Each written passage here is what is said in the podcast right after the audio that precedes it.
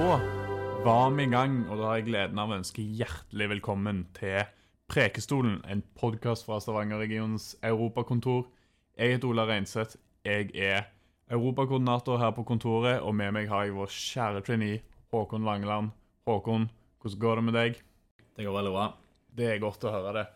Jeg tenkte i og med at det er helt i begynnelsen av første episode, så kan du kanskje forklare litt hva denne podkasten er, og ikke minst hvem vi er på Stavanger-regionens europakontor. Ja, absolutt. Vi sitter jo da i hjertet av Brussel, og vi prøver å være litt bindeledd mellom Rogaland og EU. Vi har medlemmer fra næringslivet, fra offentlig sektor og akademia som vi hjelper med å få en bedre forståelse for mulighetene som ligger i Europa. Vi var det første regionskontoret i Brussel, og vi kom her ti år før alle andre. Vi har vært der i hele 30 år, så vi kan jo kanskje se at vi er en region som har sett litt verdien av å være i Europa. Og Det som er målet med denne podkasten, er jo at vi skal spre litt spennende historier fra regionen om folk som har fått det til, om bedrifter som har fått det til, kommuner som har klart seg og gjort kule ting. Gjerne da med tilknytning til Europa. Så vil vi òg informere litt hjem om hva som rører seg i Europa, med relevans for regionen. Stemmer det. Det blir både intervjuer og samtaler med interessante folk og temaer med forankring i regionen. Så jeg tenker vi kan egentlig bare begynne med å introdusere vår første gjest. Dagens gjest han er utdanna marinbiolog ved NTNU. Og han er tidligere fagbokforfatter av boken 'Dyreliv i havet norsk marinfauna'. Blitt utgitt i syv utgaver og er selve standardverket for marinbiologi i Norge. Han har vært lærer i videregående skole før han eh, fikk ansvaret for å lede utviklingen av NDLA, Norsk digital læringsarena, som sikkert mange av dere kjenner til.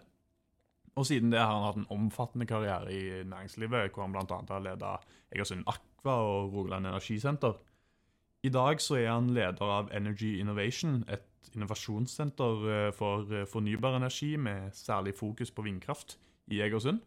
Og på toppen av det hele så er han jammen òg to ganger medaljevinner i NM i undervannsrugby. Så uten å dra det ut for lenge, så tenker jeg vi bare går videre til vår eh, samtale med Frank Emil. Velkommen til Brussel, Frank Emil Moen. Takk for det. Så det som jeg lurer litt på i dag, er om du kan fortelle litt om Energy Innovation Norway og Egersund Energy Hub. Hva er det, og hva er dere driver med, og hvordan oppsto dere?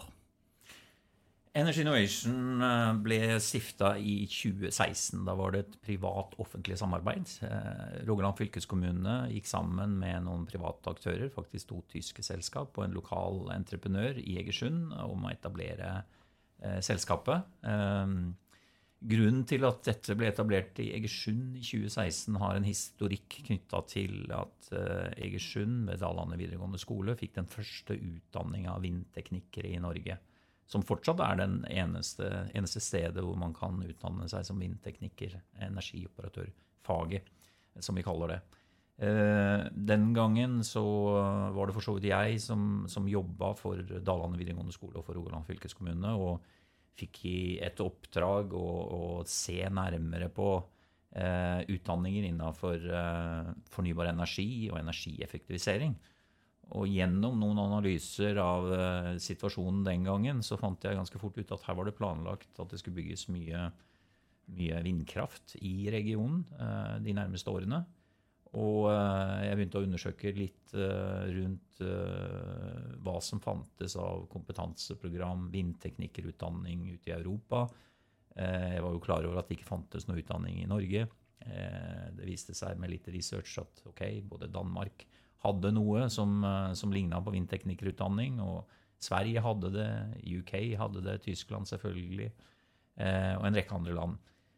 Eh, så den gangen, i 2010, så, så tok jeg kontakt med faktisk med, med Stavanger sitt EU-kontor og, og hadde litt prat om ok, her må vi hente kompetanse fra Europa for å etablere Eller se på muligheten for å etablere en utdanning. Så eh, jeg husker jeg hadde vel det første møtet faktisk på dette kontoret her i Brussel i eh, Lurer på om det var i, i eh, mars 2011. Eh, nei, faktisk, det må ha vært i mars 2010, når jeg tenker meg om. For dette tok litt tid fra det første møtet. Hvor, hvor jeg fikk støtte av kontoret til å eh, innhente mulige partnere for å søke på et EU-prosjekt. Så jeg tror faktisk jeg hadde det første møtet her og hadde et oppfølgingsmøte eh, noen måneder senere. Og så ble det sendt en søknad eh, om å starte dette EU-prosjektet, som da var knytta til Leonardo da Vinci-programmet eh, Transfer of Innovation. Og da starta vi et toårig prosjekt. Og det toårige prosjektet det la grunnlaget for egentlig overføring av den kompetansen vi trengte i Norge, i Egersund, for å kunne starte å søke departementet, eh, eller først Utdanningsdirektoratet og så departementet, om å, om å få opprette et forsøk på eh, energioperatørfaget med såkalt VG3 i skole. At man istedenfor å gå ut i lære, eh, sånn som man normalt gjør etter to år på elektrofag, at vi hadde det tredje året i skole Eh, hvor vi tok utgangspunkt i arbeidet eh, vi hadde gjort gjennom E-prosjektet, eh, og operasjonaliserte energioperatørlæreplanen for vindkraft. Og så starta vi det første kullet i 2011, skoleåret 2011-2012. Allerede den gangen så Altså de som jeg hadde kontakt med den gangen, dette var særlig Eh, tyske, et tysk uh, selskap som var med i EU-prosjektet, BZE, som hadde drevet med utdanning og sertifisering av vindteknikere allerede siden 2000. Uh, og disse ble såpass interessert i det som skjedde i Norge, at de var med altså på eiersida når Energy Innovation ble stifta i 2016 som et privat-offentlig samarbeid om for det vi så, var at i tillegg til å ha en vindteknikerutdanning, så var det veldig viktig å ha et treningssenter eh, som kunne tilby sertifisering, eh, såkalt Global Wind Organization sin sertifisering for sikkerhet og tekniske fag. Eh, så, så eh, det var bakgrunnen for opprettelsen av Energy Innovation som eh, når vi starta i, i eh, 2016, så var det, var det, ikke bare et kontor. Og man begynte å eh, jobbe fram og planlegge hvor man skulle etablere seg. Eh, og det endte opp med at vi etablerte oss på Langholmen i Egersund, rett ved Eigerøy bru, der vi kjører over til, til eh, Eigerøy. Eh, og starta arbeidet med å det første vi gjorde, var faktisk å plante et 30 meter høyt, veldig avansert eh, treningstårn. Fryktelig dyrt, eh, kan man si. Brukte vel ni tolvdeler av eh, egenkapitalen på det. Eh, og hadde en egenkapital på 12,5 millioner, så det var jo en del penger. Men det var for å plante at dette, Egersund, skulle være sentrum for kompetansebygging innenfor vindkraft. Vi visste at offshore også ville komme, og, og ta den posisjonen i Norge. Så det begynte med det treningstårnet på 30 eh, meter og to brakker og et eh, industritelt. Og så satte vi i gang og sertifiserte oss for GW2-sertifisering. Parallelt med at vi samarbeida med Daland videregående skole med vindteknikerutdanninga. Og så har dette da Når vi etablerte oss på Langholmen, så var det i visshet om at vi hadde fått med oss lokale aktører. Bertelsen Garpestad, et Egersundsfirma, og Seabrokers, et annet rogalandsfirma, om å etablere Egersund Energy Hub. Et stort bygg, 8800 kvadratmeter, hvor jeg, sammen med daglig leder for, for denne industriparken, skulle fylle det bygget med selskap primært som var interessert i å samarbeide om å bygge kompetanse innafor ikke bare vindkraft, men også på annen greentech, altså fornybar energi og miljøteknologi. Da. Og eh, det bygget det sto klart eh, i 20, uh, 2020. Vi flytta inn i, i, november 2020. Og vi de eneste leietakerne. Vi leide en tredjedel av bygget. Det måtte vi gjøre for å kunne få, få eh, finansiert og, og, satt i gang. Og så har vi fylt opp gradvis, og i, uh, i 20 våren i år så, så, var det så godt som fulltegna. Så det var oppstarten og, og basisen for, for, det som siden har skjedd. da. Mm.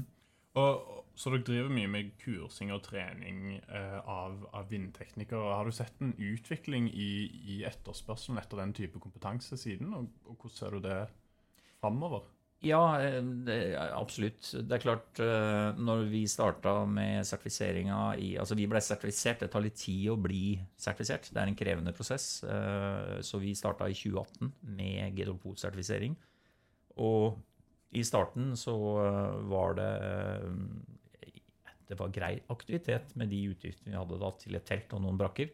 Så vi gikk faktisk i pluss. Eh, men det var ikke all verden av aktivitet. Det var de vindparkene, onshore vindparkene sant, som var eh, da eh, etablert eller under etablering. Så har vi sett at det har gradvis tatt seg opp i 2019, 2020, 2021. Og i 2021 så begynte vi å se for fullt at her kommer det inn offshore vindaktører.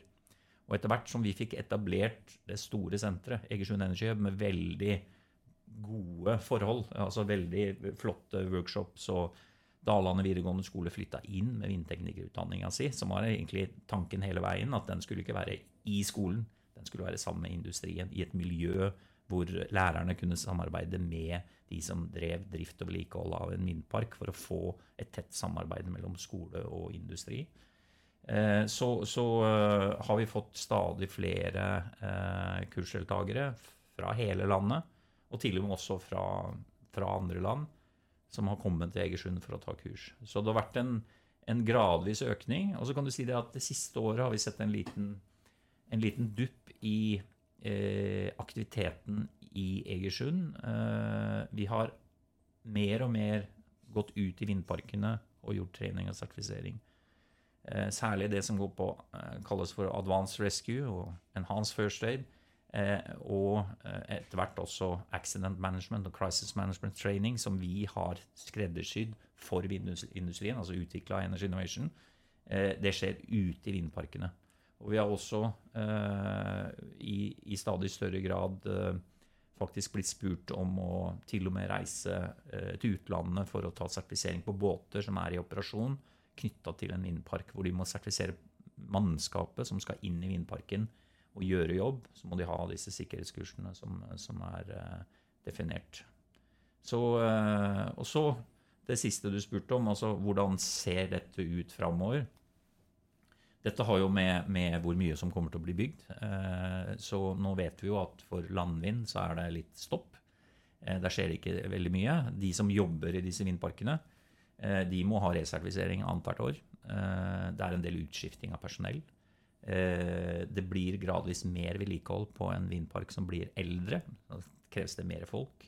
Mer servicepersonell som kommer inn og gjør serviceoppdrag underveis.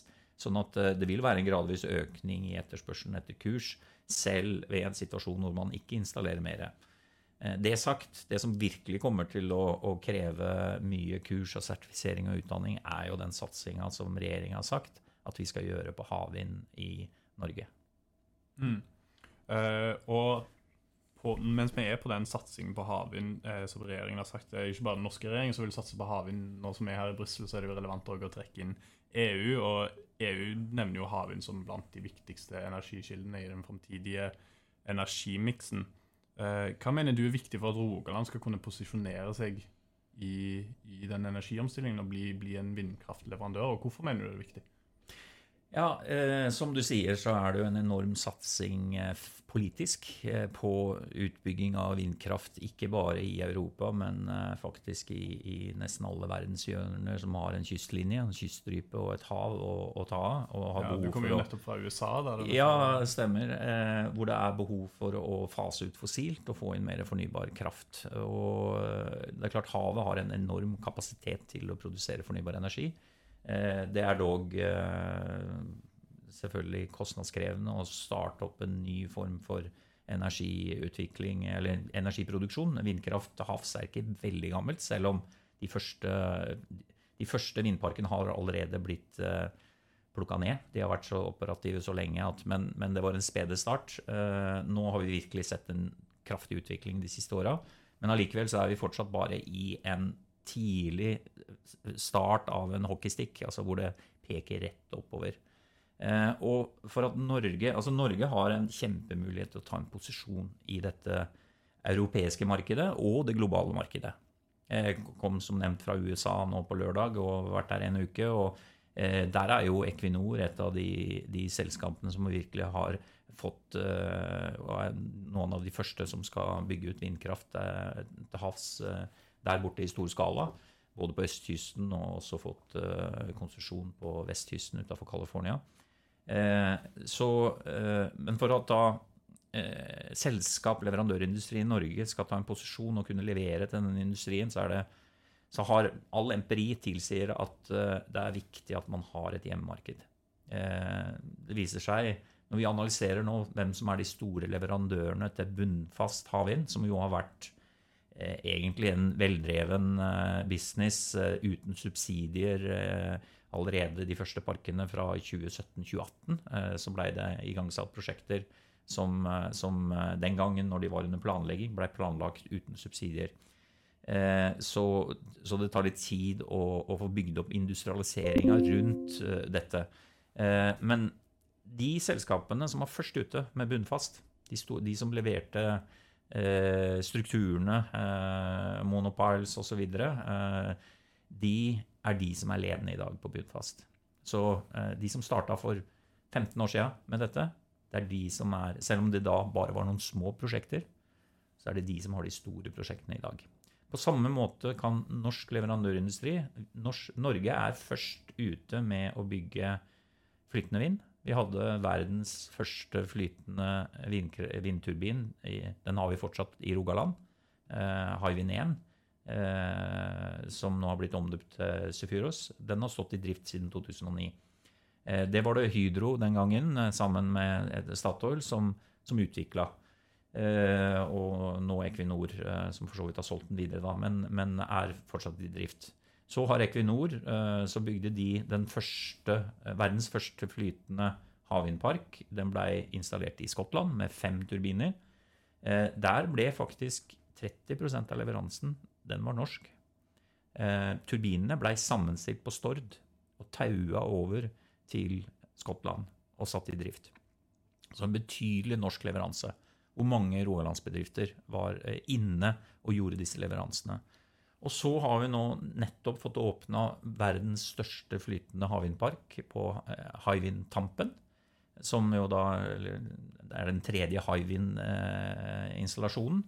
Eh, med, med eh, turbiner knytta til, til Snorre og Gullfaks, som skal da elektrifisere deler av, av den produksjonen der. Så øh, i disse prosjektene så har norsk leverandørindustri veldig gode forutsetninger for å kunne levere. Eh, Når det er snakk om prosjekter på bunnfast i Europa, så er det mer krevende.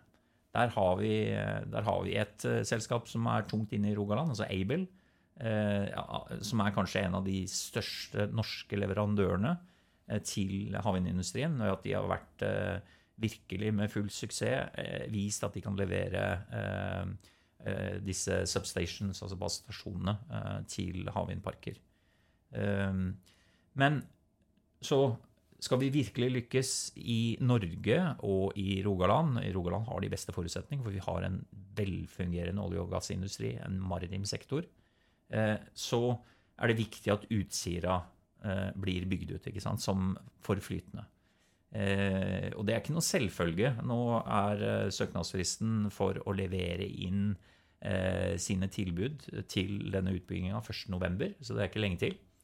Eh, og så skal, eh, skal myndighetene bruke litt tid på å evaluere eh, de søknadene. Og, så vil det være tre eh, konsortier, tre aktører, som får en tildeling. To av eh, tildelingene vil være med subsidier. Den tredje, eh, der vil det i utgangspunktet ikke bli gitt subsidier. Hvor store subsidiene blir, vil være helt avgjørende for om det faktisk blir en utbygging, om den kommer raskt, eller om selskapene pga. dyrtid rett og slett i verden, eh, så, så er det krevende å regne hjem disse prosjektene. Eh, Og det er klart flytende er i en tidlig utviklingsfase. På samme måte som landvind ikke var lønnsomt eh, i det hele tatt i Norge i 2012, når elsertifikatene kom. Og i 2015 så var det fortsatt ikke lønnsomt med, med landvind i Norge. Helt avhengig av subsidier, og selv med elsertifikater så var ikke det godt nok til å kunne bygge prosjekter. Så har landvind utvikla seg med større generatorer, større turbiner. Eh, Man har fått ned kostnadene på turbinene. Og man har nå vindkraft på land som faktisk den billigste formen for energi, ny energi som kan produseres, uansett energiform. Parallelt med sånn utility scale, altså store industrielle solparker, eh, har du tilsvarende priser som er helt ned mot 20 øre per kWt i det som kalles level high cost of energy. Eh, så dette, det dette handler om, er at man må gjøre politiske grep i forhold til å tilrettelegge for at man får eh, satt i gang prosjekter, sånn at eh, som f.eks. Nordsea Group, også et rogalandsselskap som planlegger Vindworks Gjelsa eh, inne i Ryfylke. Verdens største anlegg for sammenstilling av eh, for så vidt både bunnfast og flytende eh, havvindinstallasjoner. At de får øvd seg på industrialisering. Eh, hvor de tilrettelegger et anlegg hvor man kan bygge 70 flytere i året. Og når man tenker på at én flyter til en 15 megawatts turbin er på størrelse med en drillingplattform, altså en olje- og gassdrillingplattform, så forstår man at man skal bygge altså 70 sånne drillingplattformer i året.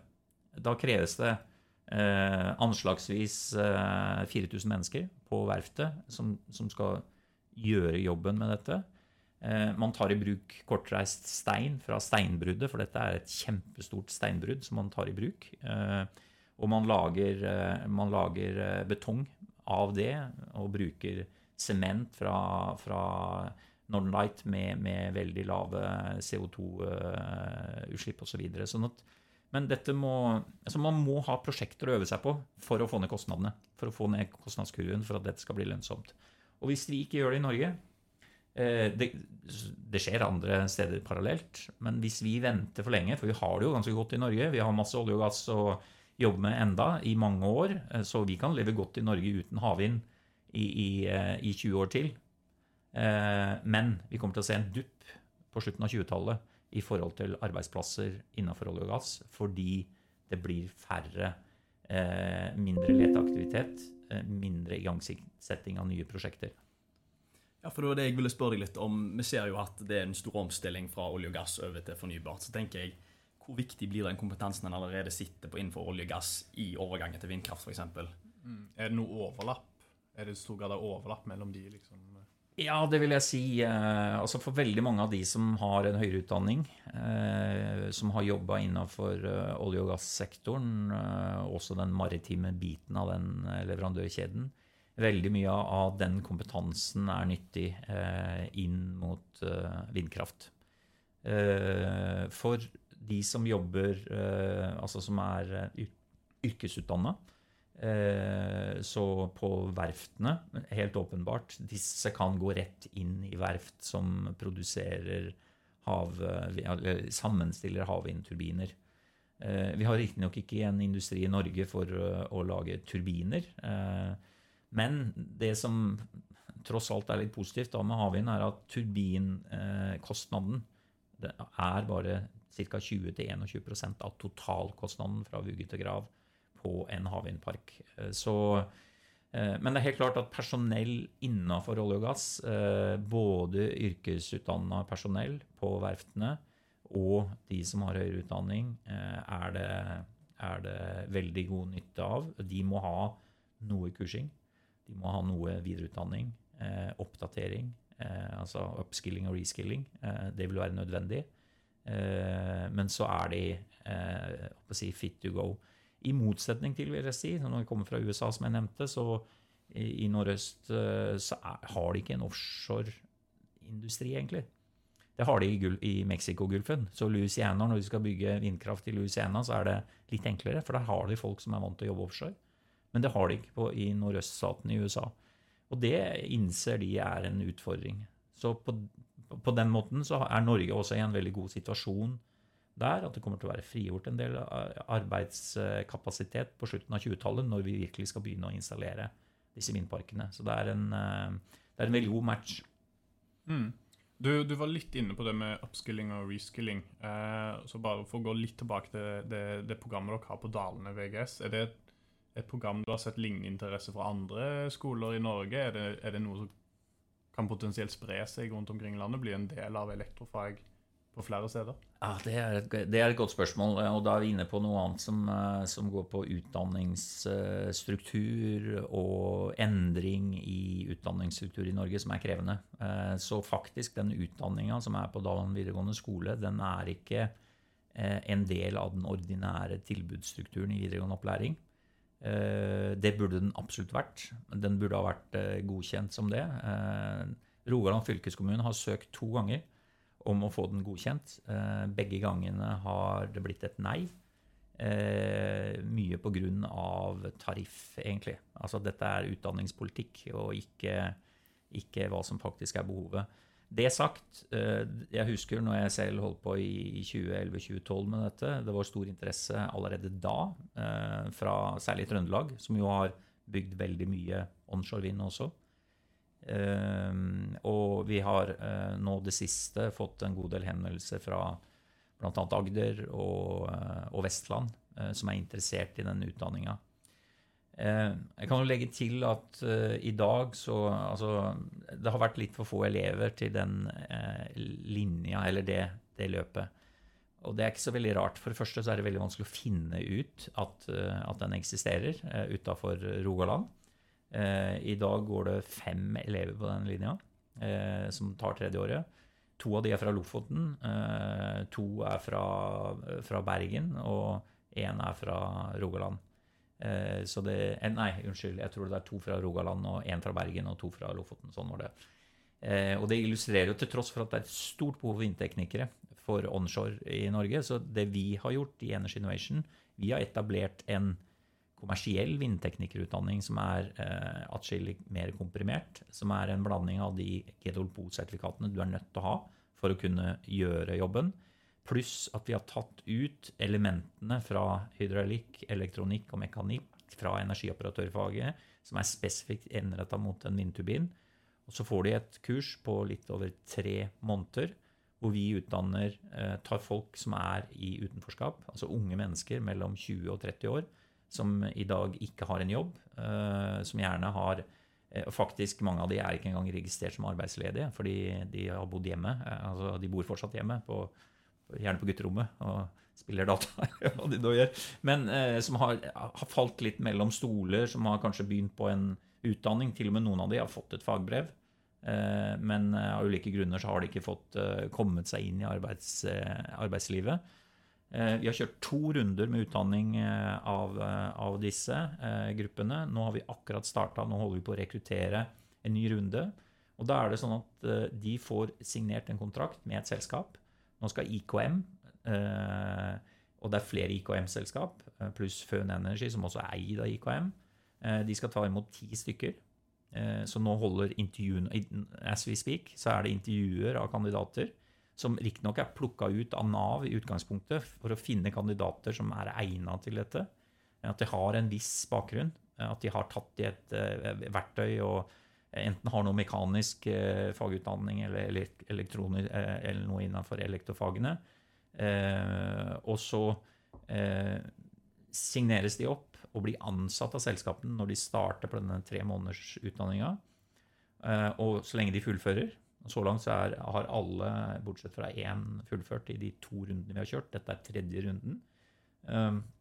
Så har de jobb etterpå, og da er de entry level service technicians med en sertifisering fra Energy Innovation og går rett ut i jobb eh, som service technicians og får videre eh, selvfølgelig opplæring i bedriften sammen med mer erfarne folk. Og dette programmet har det vært stor interesse for også i andre land. Eh, og det ser vi at det er noe vi nå tilrettelegger for gjennom det vi har etablert i Energy Innovation nå, som vi kaller Energy Innovation Global, som er en franchise.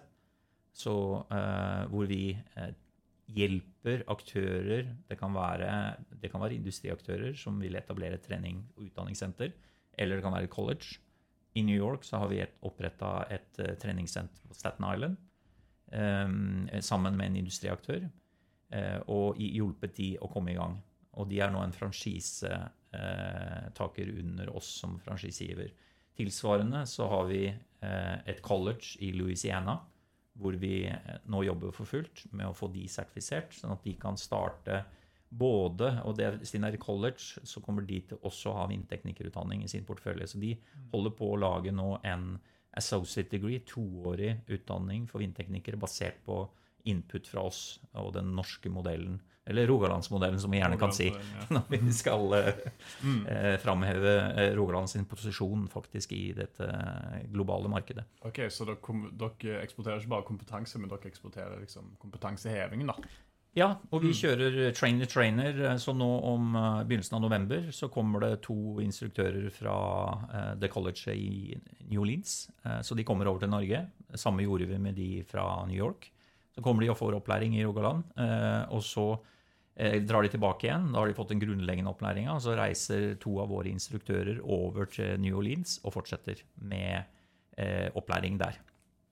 Ja, Da tenkte jeg bare et siste spørsmål fra min side. om at Hvor viktig er denne, dette internasjonale samarbeidet? At dere samarbeider med folk i USA eller i Tyskland? og Hva er verdien av det? Nei, det er jo kjempeviktig. Eh, Det, Energy Innovation har jobba med altså Jeg nevnte det første EU-prosjektet. Vi har hatt, eh, vi har hatt eh, to til som går på opplæring. Vi har ett gående nå. Et stort et. Erasmus pluss Central Vocational Excellence. Hvor vi er sammen med Danmark, Nederland, Belgia og Irland. Fireårig prosjekt. Vi har holdt på i ca. ett år. Hvor vi samarbeider med utdanningsinstitusjoner i disse landene for å bygge ytterligere kompetanse i Norge og også dele vår kompetanse. For eh, skal jeg være helt ærlig, så er det sånn at de andre i de andre landene som er med i det prosjektet, de ser ganske mye opp til Energy Innovation og hva vi har fått til i Rogaland. Eh, til tross for at flere av disse landene har bygd mye mer vindkraft enn det vi har gjort i Norge, så har vi allikevel evna å bygge en kompetanse i Rogaland som er, begynner å bli ganske unik. Eh, så eh, vi har greid å tatt en posisjon, og vi eksporterer nå utdanningskompetanse innafor eh, både on- og offshore vind. I prinsippet til hele verden. Vi har også signert eh, med Polen. Det gjorde vi for to uker siden. Om å opprette tre sentre i Polen. Som er et veldig spennende marked som kommer for fullt. Vi holder på i Skottland, i Irland. Eh, Vi har signert eh, med Tyrkia. Det kommer en stor delegasjon fra Tyrkia under OTD Energy i Stavanger i neste uke for å besøke oss og se på treningssenteret. Og, eh, og som sagt, de har signert en letter of intent om å etablere et senter på Bandirma University i Marmarahavet, som er det området som først blir bygd ut med havvind i, eh, i Tyrkia. Så det er stor interesse for den kompetansen som er etablert eh, i Rogaland knytta til dette. Det er veldig gledelig å høre. Og med det så tror jeg vi, vi avslutter det. Tusen takk for at du kunne være her med oss i dag, Frank Will. Bare hyggelig. Da er vi kommet til veis ende av første episode av Preikestolen podcast, en podkast fra Stavanger-regionens europakontor. Følg gjerne med på LinkedIn og på Instagram for å få med deg når neste episode av denne podkasten kommer ut. Vi snakkes!